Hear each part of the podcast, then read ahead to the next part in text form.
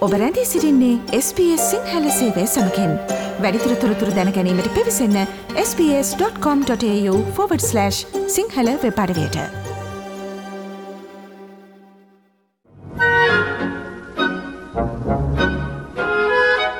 විශ්ව සාහිත්‍යයේ රසමං පෙත්.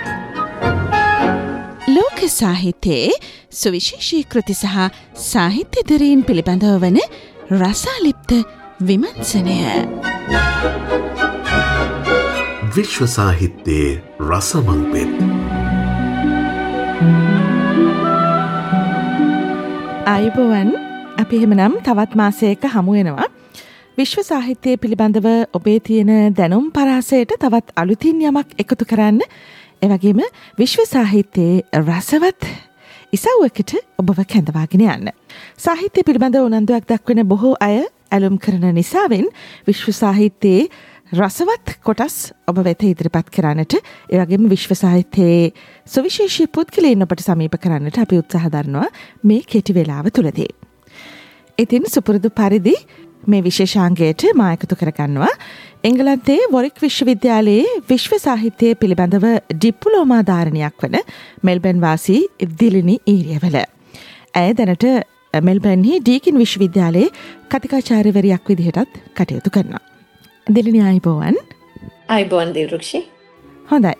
අදත් අපේ උත්සාහය බවට පත්වන්නේ විශ්ව සාහිත්‍යයේ ඔබට හමුවන තවත් සුවිශේෂී වූ සාහිත්‍යදරෙක් ඔබ හමුවට කැඳවාගෙනීම. මං හිතන අපේ අසන්නෝ හුඟක් පුංචි කාලිනං අහලතීර නමක් තමයි ගීද මෝපසං. ගීද මෝපසං ඇතැම් විට ඔබ කවියෙක් විදිහට නවකතාකරුවෙක් විදිහට කෙටිකතාකරුවෙක් විදිහට අහල ඇති.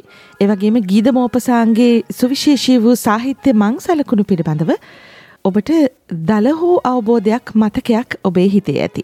මොකද මේ නම බොහෝ අයට හුරුපුරුදු සාහිත්‍යදරයන්ගේ නම් ගොන්න අතරට එකතු වෙලා තිර නමක් වන නිසා. ගීද මෝපසාන් කියන ප්‍රසිද්ධ නමින් ඒ නම් කොටසින් බොහෝ දෙනෙක් ඔහු හැඳුනුවට හොට තියෙනවා දීර්ඝ නමක් Henri Rene Albert Guy de Maupassant. ඔහු එක්දා සටසිය පණහේ අගෝසු මාසේ පස්වනිදා ඉපදුනා. එක්දහ සටසිය අනෝතුනේ ජූලි මාසේ හයවනිදා ඔහු මිය කියා.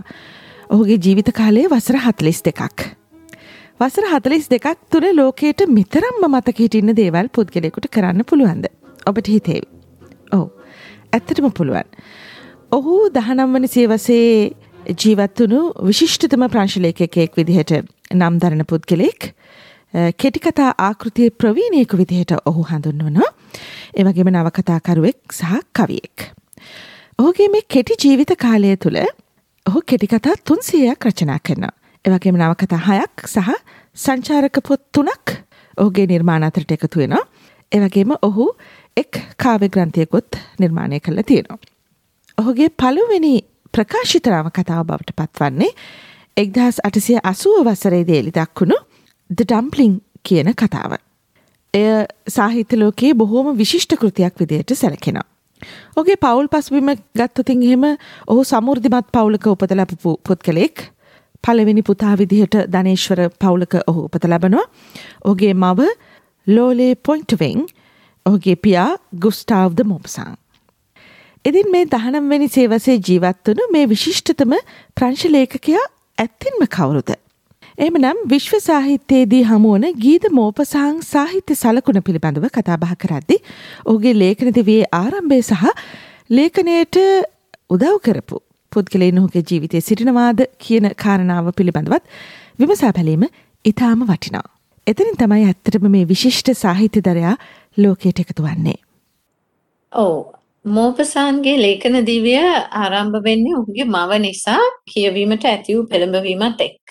මවගේ දැනහැඳුනුම්කම මත 1967 දී මෝපසාන්ට විශිෂ්ට ප්‍රංශ යථාර්ථවාදී ගත්කතුවරයෙක් වන ගුස්ටාව් ෆ්ලෝබෙයාගේ ඇසුර සහ උපදේශකත්වයේ යටතේ ලේඛන කටයුතු කරන්න ලැබුණා.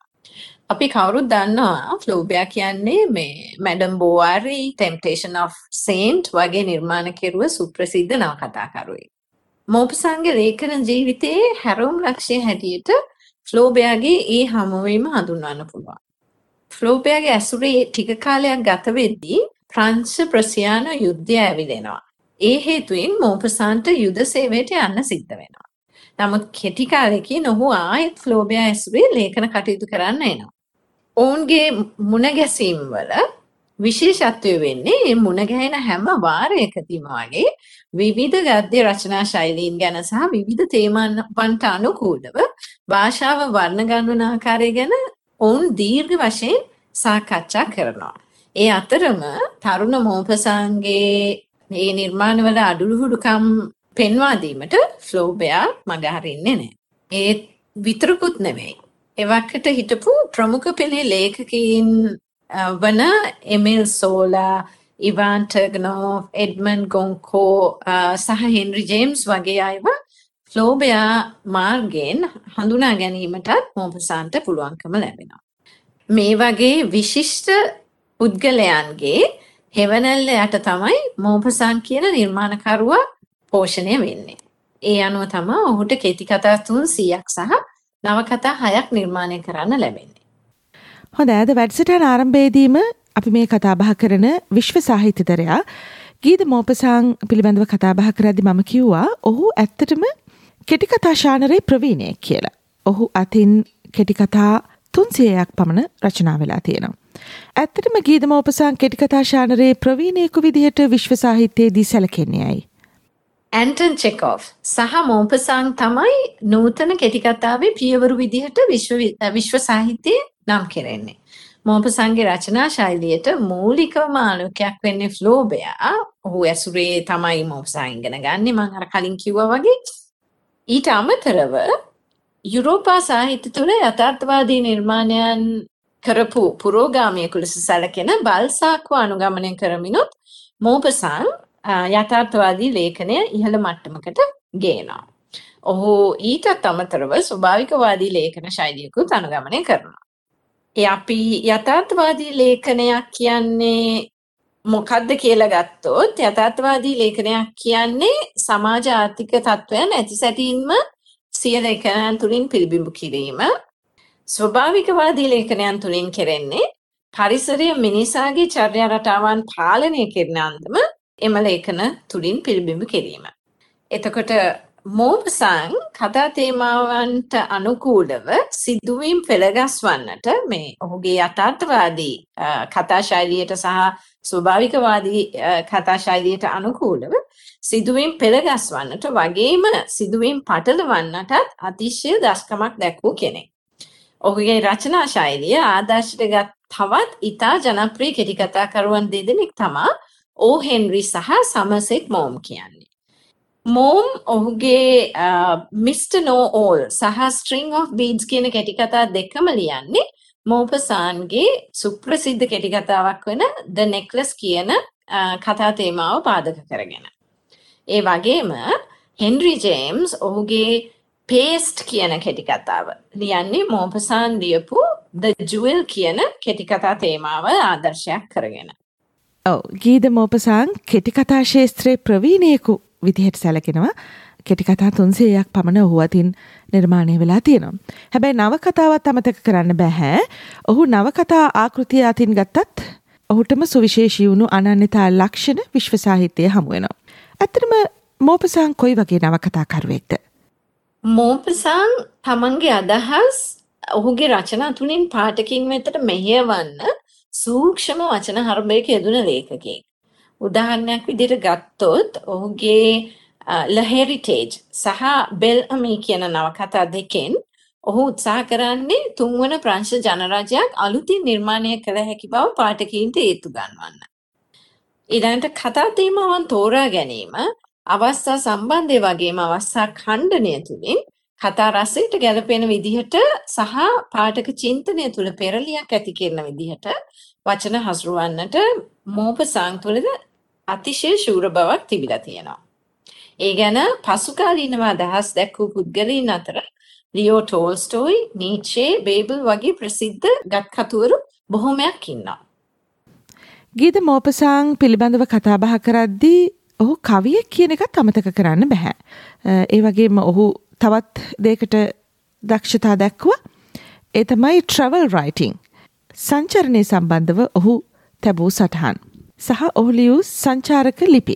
එයත් විශ්ව සාහිත්‍යයේ ඔහු පිළිබඳව කතා බහක් කරද්දි අමතක කරන්නම බැරි කොටසක්.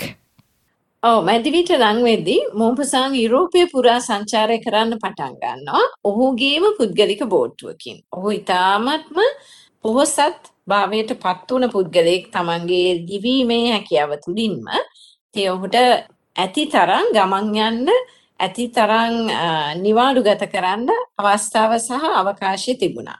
සමහර අවස්ථාවල ඔහු තනිවමත් සමහර අවස්ථාවල මිතුරන් සමගත් ඔහුගේ බෝට්ටු ගමන් යුරෝපය පුරා ගියා. මේ හැම ගමනක්ම ඔහු අවසන් කරන්නේ අලුත් නිර්මාණයක් එක්ක. ඔහු තුළ පැවති පිහිනීමේ සහ ඔරුපැදීමේ ආශාවත් එම කතා තේමාවන් තුළ සැඟවී තිබෙනවා. ඊළඟට මෝපසන්ගේ කවිය ගැන කිව්වොත් ඇත්තටම ඔහු ලේඛනය ආරම්භ කරන්නේ කවියෙක් විදිහට. ඔහුගේ කවි අතිශයින් රොමාන්තික කවි ලෙසටයි සැලකෙන්නේ. ඔහු එබඳු අතිශය රොමාන්තික කවි ලේඛනයට පෙළඹෙන්නේ නැත්තේ ඒ වන විටත් හදාරමින් සිටි උපහාසාත්මක සහ දැඩි යථාර්ථවාදී ලේඛනවල තිබූ අතිශය ගැඹුරු සංවේදනාවලින් මිදෙන්න වෙන්න පුළුවන් කියලා තමයි පොතපතෙහි සඳහන් වෙන්නේ. හොඳයි දිලිනි. අපි හෙමනම් ස්තුතිය පල කර සිටිනවා. මෙවර මේ සාහිත්‍ය දිගහැරුමට සම්බන්ධවීම පිළිබඳව එංගලන්තේ බොරික් විශ්වවිද්‍යාලයේ විශ්ව සාහිත්‍යය පිළිබඳ ඩිප්ලෝමාධාරණයක් වන මෙල්පැන් වාසී දිලිනි ඒරියවලයි මේ අපූරු සාහිත්‍ය දිගහැරුමට අදත් අප සමඟ සම්බන්ධ වනේ බොහොම ස්තුතියි දිලිනි. අයිබෝවන් අයිබෝවන් දිල්රක්ෂි එමනම් අද අපේ මුඛ්‍ය කතාකරුවා බවට සාහිත්‍යකරුවා බවට පත් වනේ දහනම්වැනි සියවසේදී විශිෂ්ට ප්‍රංශලේඛකයෙකු විදිහට සැලකෙන ගීත මෝපසාං. එමත් නැත්තං හෙන්රි රෙනේ ඇල්බට් ගීත මෝපසාං. මෝපසාන්ගේ සාහිත්‍ය කරණය ඔහු සාහිත්‍යය ලෝකයේ තබපු විශේෂිත සලකුණ පිළිබඳව ඔබට යම් දලාබෝධයක් ලැබෙනට ඇතිකිල අපි විශ්වාස කරනවා. සජීවව මේ වැඩසිටහනට ගුවන් විදිලියෙන් සවන්දුන්නාට අමතරව ඔබට පුළුවන් වෙබ් අඩවියට ගිහිල නැවතත් මේ කතා බහට සම්බන්ධ වෙන්න. අපගේ වෙබ් අඩවියට පිවිසන්න www.sbs.com.au/ සිංහල එමත් නැත්නම් අපගේ ෆේස්බුක් පිටුවක් තියෙනවා. SBS සිංහල අපි හොයා ගන්න SBS සිංහල ෆේස්බුක් පිටුවෙන්. එමනම් මසකින් අනතුරුව විශ්ව සාහිත්‍යයේ තවත් රසමුසු තැන් හොයන්නට අපි හමුවමු අයිබෝවන් විශ්ව සාහිත්‍යයේ රසමං පෙද්දිගේ සැරිසරන්නට තවත් මසක අවසානාගහරුවාදා අපි යළි හමුවමු.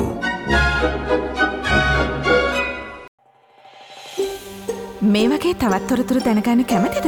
එහමනම් Apple podcast Google podcast Spotify ඔබගේ පොඩ්කාස්ට ලබාගන්න ඕනේම මාතයකින් අපට සවන්දය හැකේ.